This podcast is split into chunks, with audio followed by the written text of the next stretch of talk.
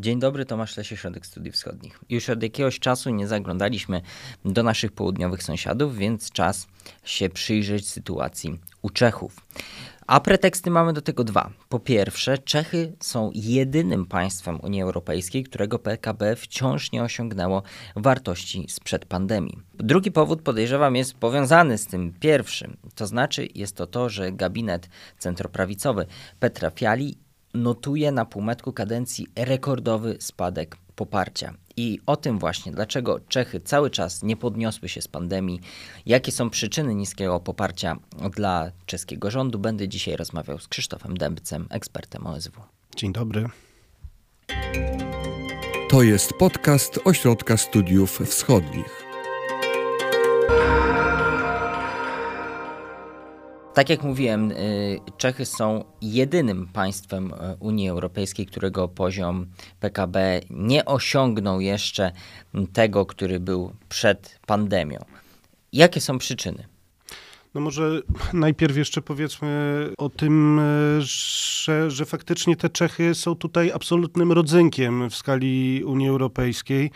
E, są państwa takie jak Chorwacja czy Polska, których wzrost w tym czasie wyniósł plus 10% e, mniej więcej, e, a, a Czechy nie dość, że nie nadganiają, no to w każdym z kwartałów tego roku, który się zakończył, były na minusie, takim minusie w, patrząc rok do roku. Także jest tutaj naprawdę źle. No i teraz wrócę, Tomku, do twojego pytania, dlaczego tak jest. Tutaj może zacznę od tego, że sąsiedzi, zachodni sąsiedzi Czechów, mianowicie Niemcy, też przyglądają przyglądają się kondycji swojego jednego ze swoich wschodnich sąsiadów. No i tak się składa, że prestiżowy dziennik Die Welt y, opublikował artykuł, który bardzo szerokim echem odbił się właśnie nad Wełtawą, zatytułowany, może nie zatytułowany, ale, ale, ale padło tam określenie w tym artykule Czechy chory człowiek Europy. Czechów bardzo to zabolało faktycznie. Jeden z takich bardziej dowcipnych komentarzy, który przeczytałem w mediach czeskich, to była zgoda, tak? M może jesteśmy chorym człowiekiem Europy, ale jeśli tak, to zaraziliśmy się od was. Czyli od Niemców. Tutaj, tak. I tutaj dochodzimy do pierwszej z tych przyczyn, a mianowicie faktycznie, jeśli znów spojrzymy na, na, na tę tabelkę, jak radzą sobie gospodarki poszczególnych państw e, od początku pandemii COVID-19, no to zobaczymy, że tą drugą najgorszą, aczkolwiek minimalnie na plusie, jest właśnie gospodarka niemiecka. Tak się składa, że żadne z państw regionu, czy w ogóle żadne z państw Unii Europejskiej nie, nie ma e, tak silnych związków z Niemcami jak e, właśnie Czechy. Mm, przejawia się to najwyższym w ogóle mm, udziałem eksportu, który Czesi kierują do swojego zachodniego sąsiada. Jest to w dużej mierze też e, eksport w ramach koncernów e, niemieckich z branży motoryzacyjnej, chociażby no wiemy, że Szkoda Auto, czyli czeska, największa czeska spółka motoryzacyjna jest właśnie we własności koncernu Volkswagen. Te wszystkie powiązania też powiązanie inwestycyjne właśnie w ramach łańcuchów dostaw sprawiają, e, że są one, że Czechy są bardzo silnie zależne od gospodarki niemieckiej. I się w związku z tym zarazili tą chorobą. A co jest tą chorobą? Niemcy cierpią na, nie będziemy może wchodzić już w szczegóły dotyczące gospodarki niemieckiej. Niemcy, nie, nie, niemiecka gospodarka cierpi na liczne problemy zarówno natury cyklicznej, które jakby są normalne w każdej gospodarce, ale też natury strukturalnej. Zwłaszcza dotyczą też branży motoryzacyjnej, która no teraz y, powoli na świecie przechodzi w stronę, w stronę elektromobilności. Koncerny niemieckie nie są w stanie tutaj sprostać konkurencji chociażby Chin. Nie wiedzą, jaką tutaj do końca wybrać strategię też w relacji do e, trwającego, trwającej wojny ukraińsko-rosyjskiej. Miotają się w zasadzie od początku tego, tej pełnoskalowej inwazji. Jest kwestia też äh, przyczyn i struktury stosowania pomocy publicznej. No, długa dyskusja. Faktem jest, że Niemcy nie są w najlepszej kondycji w tym momencie, a Czesi na tym cierpią. No jak wyliczyła e, austriacka grupa bankowa Erste, w żadnym innym państwie naszego regionu spadek PKB Niemiec nie jest tak mocno odczuwalny jak w przypadku Czech. To znaczy, jeśli e, go, niemiecka gospodarka e, spada o pół procent, no to podobny wskaźnik w Czech automatycznie prowadzi do spadku o 0,25%, a w przypadku Polski dla porównania połowę mniej. Także tutaj mamy ten pierwszy, t- tę pierwszą przyczynę. No ale też tutaj trzeba przyznać, że rząd y, centroprawicy nie pomógł sobie. Mm, Jedną z takich zasad, które jeden krąg e, ek- ekonomiczny, wiadomo, że te dyskusje na temat e, metod i teorii ekonomicznych się różnią, no ale jedna z tych głównych metod jest taka, że powinno się e, reagować antycyklicznie. To znaczy, że jeśli mamy osłabienie gospodarcze, rząd powinien raczej wpompować pieniądze, żeby pobudzić wzrost, pobudzić wydat wydatkami rządowymi też aktywność innych podmiotów. No, a- I wiele krajów tak zrobiło w Europie i przyniosło to całkiem chyba pożądany skutek. Co więcej, zrobiły tak nawet Czechy, ale pod, e, jeszcze pod e, przewodnictwem rządu Andrzeja Babisza. No i w środku pandemii COVID-19 Czechy zanotowały dwa lata, których e, deficyt budżetowy w relacji do PKB był największy w ogóle w całej tej niezbyt długiej, ale ponad 30-letniej już, czy, czy wtedy około 30-letniej historii Republiki Czeskiej. Będąca wtedy w opozycji centroprawica zdecydowanie krytykowała to i zapowiadała, że gdy ona dojdzie do władzy, ustabilizuje budżet i będzie prowadzić działania zmierzające do jego e, zrównoważenia. Ładnie to brzmi, zrównoważenie budżetu, wszyscy pewnie byśmy chcieli, tylko że no, w praktyce oznacza to ograniczenie wydatków albo mm, Zwiększenie przychodów. zwiększenie przychodów. No i tak się zdarzyło, że też e, centroprawica zapowiadała, że nie, nie, nie podwyższy żadnych podatków. Nezwyšíme danie to było jedno z e, kluczowych sloganów e, wyborczych centroprawicy, który jeszcze w trakcie pierwszych rządów był wielokrotnie artykułowany i przez samego premiera i przez wywodzącego się z jego formacji ministra finansów. No i niestety dla, dla wielu wyborców centroprawicy gabinet Fiali ich zawiódł. To znaczy wiele podatków zostało podwyższonych. Premier próbował tutaj kluczyć, że nie, chodzi, nie chodziło mu wcześniej o podwyższenie podatków jakichkolwiek, e, ale o zwiększenie obciążeń budżetowych jako takich, czy zwiększenie obcią- obciążeń podatkowych jako takich. No natomiast no, by, było to już Wyszło wyszło. trudne do mm, zrozumienia dla mm, wyborców centroprawicy, którzy są jednak ludźmi, często ludźmi wykształconymi, z większych miast, do których y, byle jakie argumenty nie dotrą. Więc podwyższyli podatki, ale też y, odnośnie tego, co y, mówiłeś, odnośnie zadłużenia długu publicznego, no rzeczywiście rząd centroprawicy dowiózł to, że ten dług publiczny się zmniejszył i dzisiaj jest on jednym z najmniejszych w państw Unii Europejskiej, poniżej w ogóle unijnej średniej, ale jak rozumiem także to ograniczanie wydatków w momencie, w którym inne państwa nie do końca tak robiły, no, nie do końca się sprawdziło, jeżeli spojrzymy na płace realne, jeżeli spojrzymy na PKB i inne takie rozwojowe e, czynniki. No otóż parametry. to, otóż to. y, W sytuacji, kiedy większość państw y, w tej, w tej pierwszej fali y, kryzysu energetycznego, gdy, gdy no, ceny na rynkach e, energii rosły bardzo znacząco, no to wówczas y, rząd czeski zdecydował się oddać y, to wszystko wolnemu rynkowi. No i tak się składa, że w drugiej połowie 2022 roku, więc pierwszej połowie roku po tej e, pełnoskalowej inwazji rosyjskiej na Ukrainę, w żadnym innym państwie wzrost cen gaz, Unii, Unii Europejskiej wzrost cen gazu i prądu nie był tak znaczący. Znaczy w przypadku gazu to było 231%, dla porównania w Polsce 21%, a w przypadku prądu 97%, w Polsce 5%, słownie 5%. Także no tutaj można się wczuć tutaj w e, skórę e, przeciętnego Czecha, e, który no musiał odpowiednio dodać ze swojego budżetu, na że Była też znacząca inflacja i, i płace, wzrost płac nie nadążał za tą inflacją, za rosnącymi wydatkami na rachunki czy na podstawowe e, produkty spożywcze, no to mieliśmy do czynienia ze spadkiem płac realnych, których też nie zanotował e, żaden inny kraj e, regionu. No, a Czesi masowo udali się na zakupy do mm, chociażby e, Polski, do polskich sklepów i, i, i czynią to regularnie już e, od, e, no, no na, nawet z Pragi już w tym momencie przyjeżdżają autokary, które dowożą mm, mniej majętnych mieszkańców Republiki Czeskiej. Właśnie w też przywołując to i opierając się o danych, które są z komentarza właśnie autorstwa Krzysztofa Dębca, z którym rozmawiam, ten komentarz zostawimy e, w opisie, tam więcej danych. Jedną z tych danych jest to, że w drugim kwartale 2022 roku płace realne w Czechach spadły o 10,7% w czasie, gdy w, chociażby na Słowacji było to 4,5%, w Niemczech 4,2%, w Polsce 1,8%. W tym momencie, jeżeli porównamy płace realne w Czechach z tymi sprzed pandemii, to jest są one mniejsze o 0,8%, podczas gdy w Niemczech są wyższe o 0,6%, a w Polsce są na takim samym poziomie. Więc y, to pokazuje to też, o czym, o czym mówisz.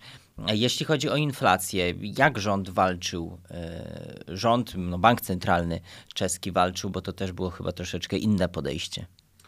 Tak, y, no inflacja jest przede wszystkim tutaj, żeby, żebyśmy też nie mylili pojęć i też nie, nie zrzucali wszystkiego na rząd y, Fiali, no bo też Czechy są w trudnym y, położeniu w tym sensie, że są gospodarką, jak to się mówi w ekonomii, małą gospodarką otwartą, są w dużej mierze zależne też od e, cyklu gospodarki światowej, od kondycji głównych partnerów handlowych, przede wszystkim Niemiec, no ale też jest podział kompetencji, polityka monetarna, jak, jak e, we wszystkich tutaj państwach regionu jest w gestii Banku Centralnego, który jest niezależny od e, rządu, no i on tutaj przejawia takie podejście, jak się w ekonomii jastrzębie, to znaczy jako bodaj pierwszy w ogóle w regionie rozpoczął politykę e, podnoszenia stóp procentowych.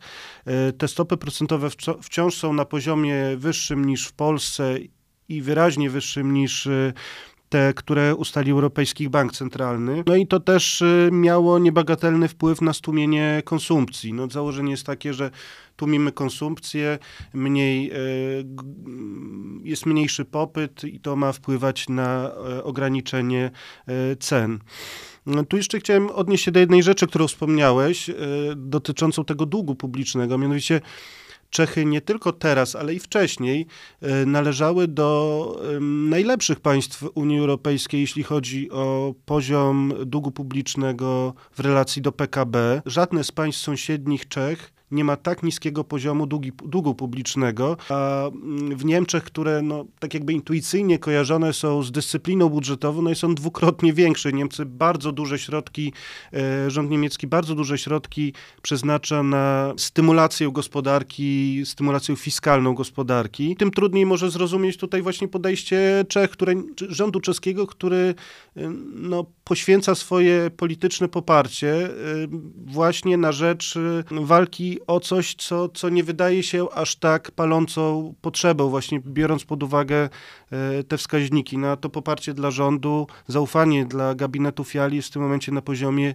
17%. Dodajmy, że od 10 lat e, w czeskiej polityce nie notowano e, czegoś takiego. No, mieliśmy przecież w międzyczasie pandemię COVID-19, bardzo krytykowanego Andrzeja Babisza, w stosunku do którego gabinetu były masowe protesty, a rząd Petra trafiali, bardzo dobrze odbieranego skądinąd za granicą, którego można by też ocenić bardzo pozytywnie z punktu widzenia czy to dbałości o modernizację armii, czy, czy zwiększanie bezpieczeństwa energetycznego kraju. No to jednak tutaj widać, że ten, ta logika pragmatyzmu politycznego gdzieś, gdzieś zawiodła. Czy to doradców premiera, czy też może, tak jak e, radzą niektórzy doświadczeni politycy, zachował sobie te trudne decyzje na pierwszą połowę kadencji, a teraz w tej drugiej będzie próbował nadrabiać.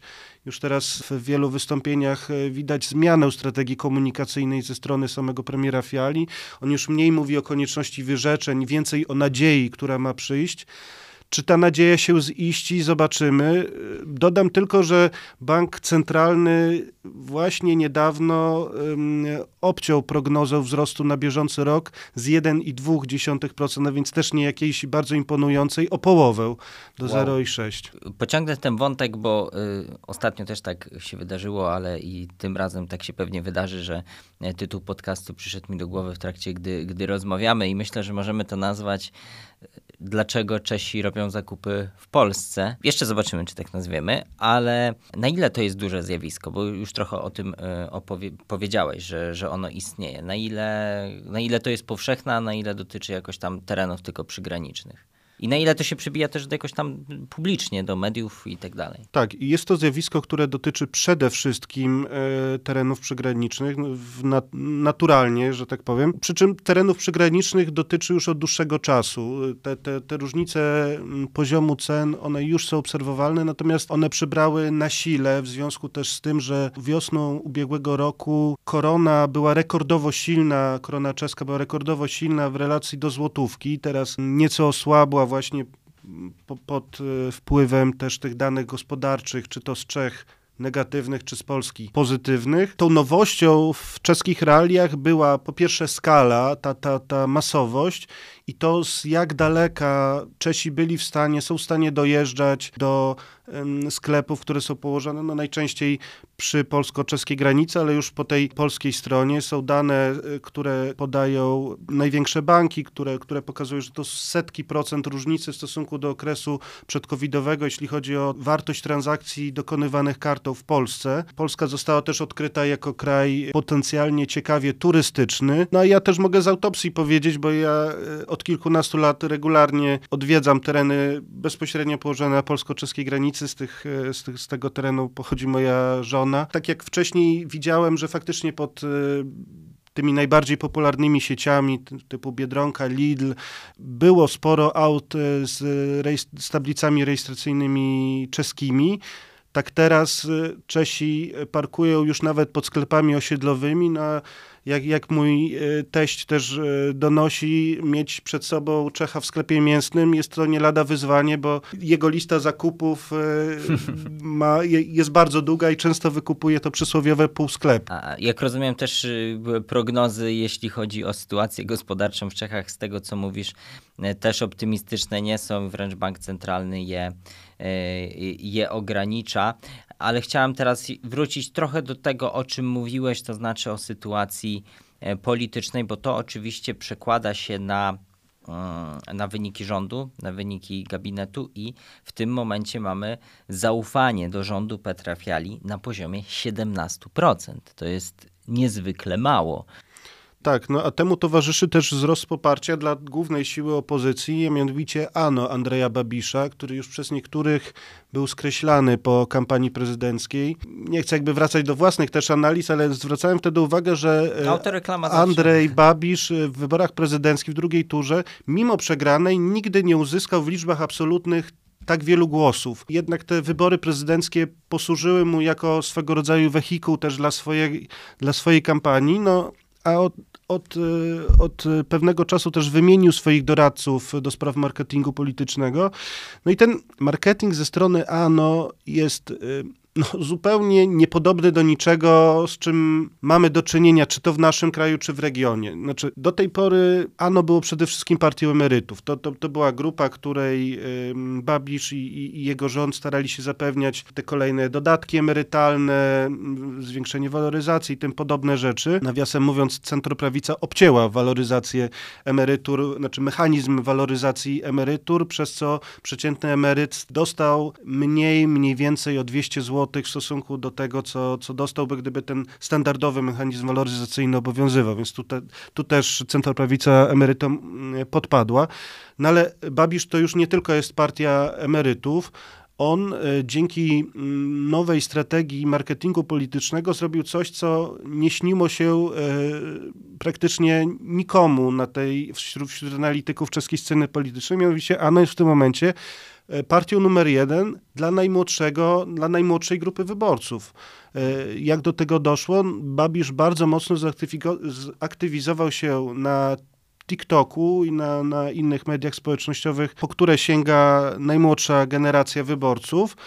Mm, No i ten, ten jego przekaz raz, że jest y, albo bardzo konkretny, powiązany z bieżącymi potrzebami Czechów, albo jest to kontent wprost rozrywkowy. Nawet bym powiedział, że częściej jest to kontent rozrywkowy. Co masz na myśli? No, są to nagrania... Śpiewa, tańczy. Tak, śpiewa, tańczy. e, ś- To był strzał. tak, śpiewa, tańczy. Tutaj, tutaj są przede wszystkim dwie osoby, które najczęściej występują w tych nagraniach. Jest to, jest to sam Andrzej Babisz i jest to um, Alena Schillerowa, czyli jego prawa ręka na Ministerstwie Finansów, później sama e, minister finansów, no i jedna teraz z liderek e, tej partii. E, no mu, muszę przyznać, że ciężko mi też to jakoś przełożyć na słowa. To trzeba po, po prostu zobaczyć. To, to, może zostawimy link po prostu w opisie do jakichś kanałów społecznościowych Babisza, żeby mogli Państwo zobaczyć. Ja sam muszę sprawdzić. A co sądzisz o tym, czy w perspektywie jakiejś ten rząd może się po prostu rozlecieć? No bo 17% poparcia, no to to już jest prawie szorowanie po dnie. A dodajmy do tego, że...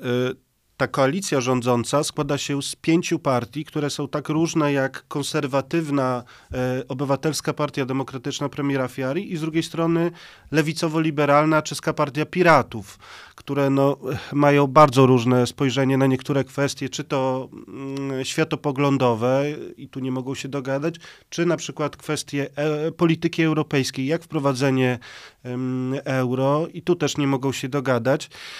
No i to sprawia, że też y, te poszczególne partie zaczynają myśleć, w jaki sposób dystansować się od tych najbardziej niepopularnych decyzji czy, czy skojarzeń związanych z gabinetem Fiali, jak zmobilizować jądro swoich wyborców, y, jak się pozytywnie odróżnić no i, i, i, sięgają po sprawdzoną w, też w niektórych państwach sąsiednich strategię bycia opozycji w ramach koalicji.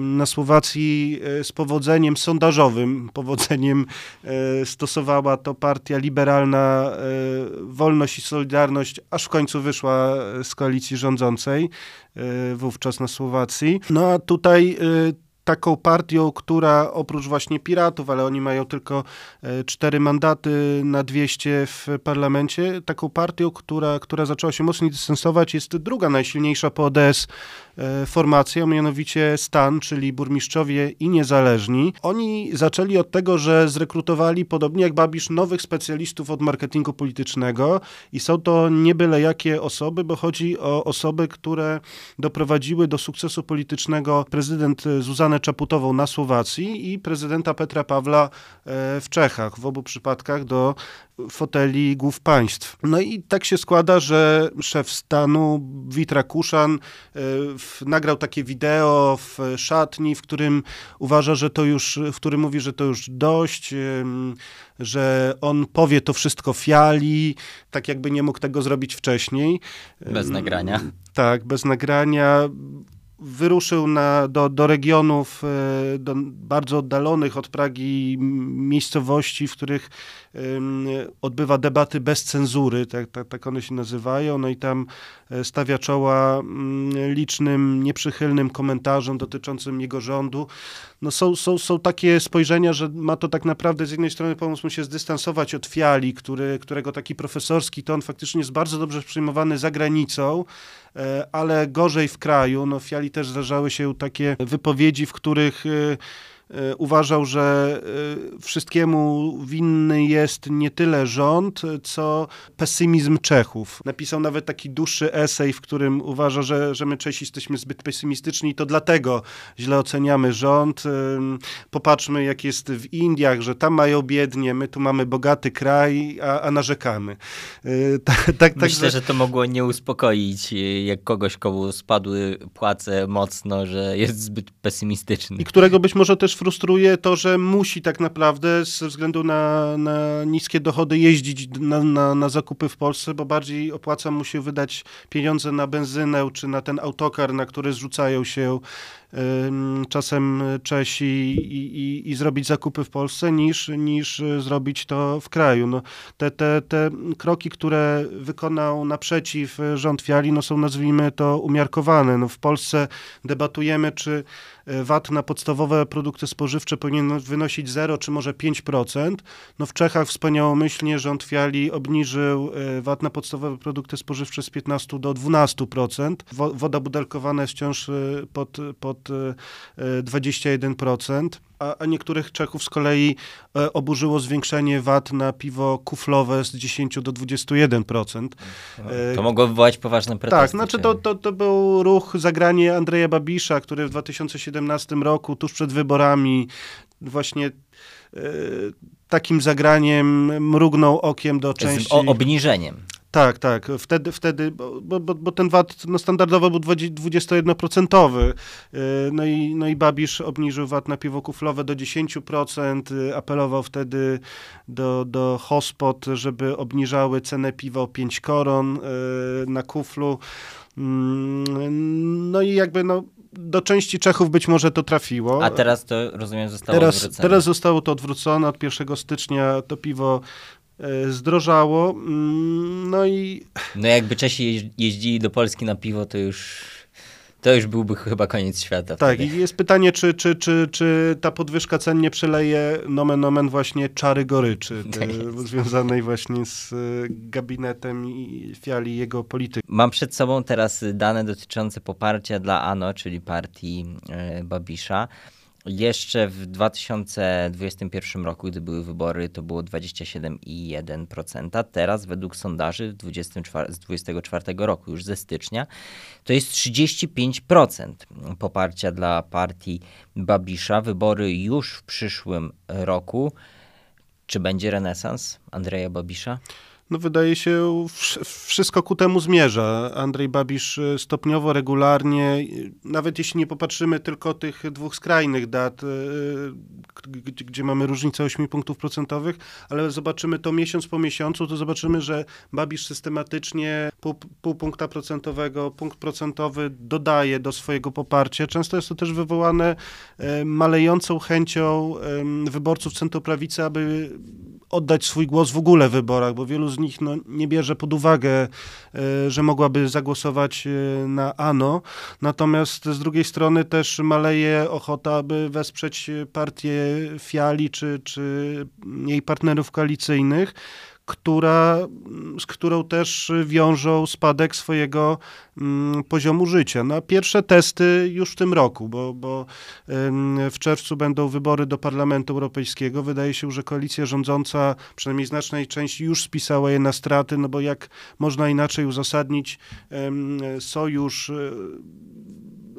z polu, czyli ODS, która jest y, przeciwko wprowadzeniu euro, a z drugiej strony TOP 09 i Hadeków, którzy są za wprowadzeniem euro na jednej liście wyborczej. No, no, jest, to, jest to niemalże już schizofrenia.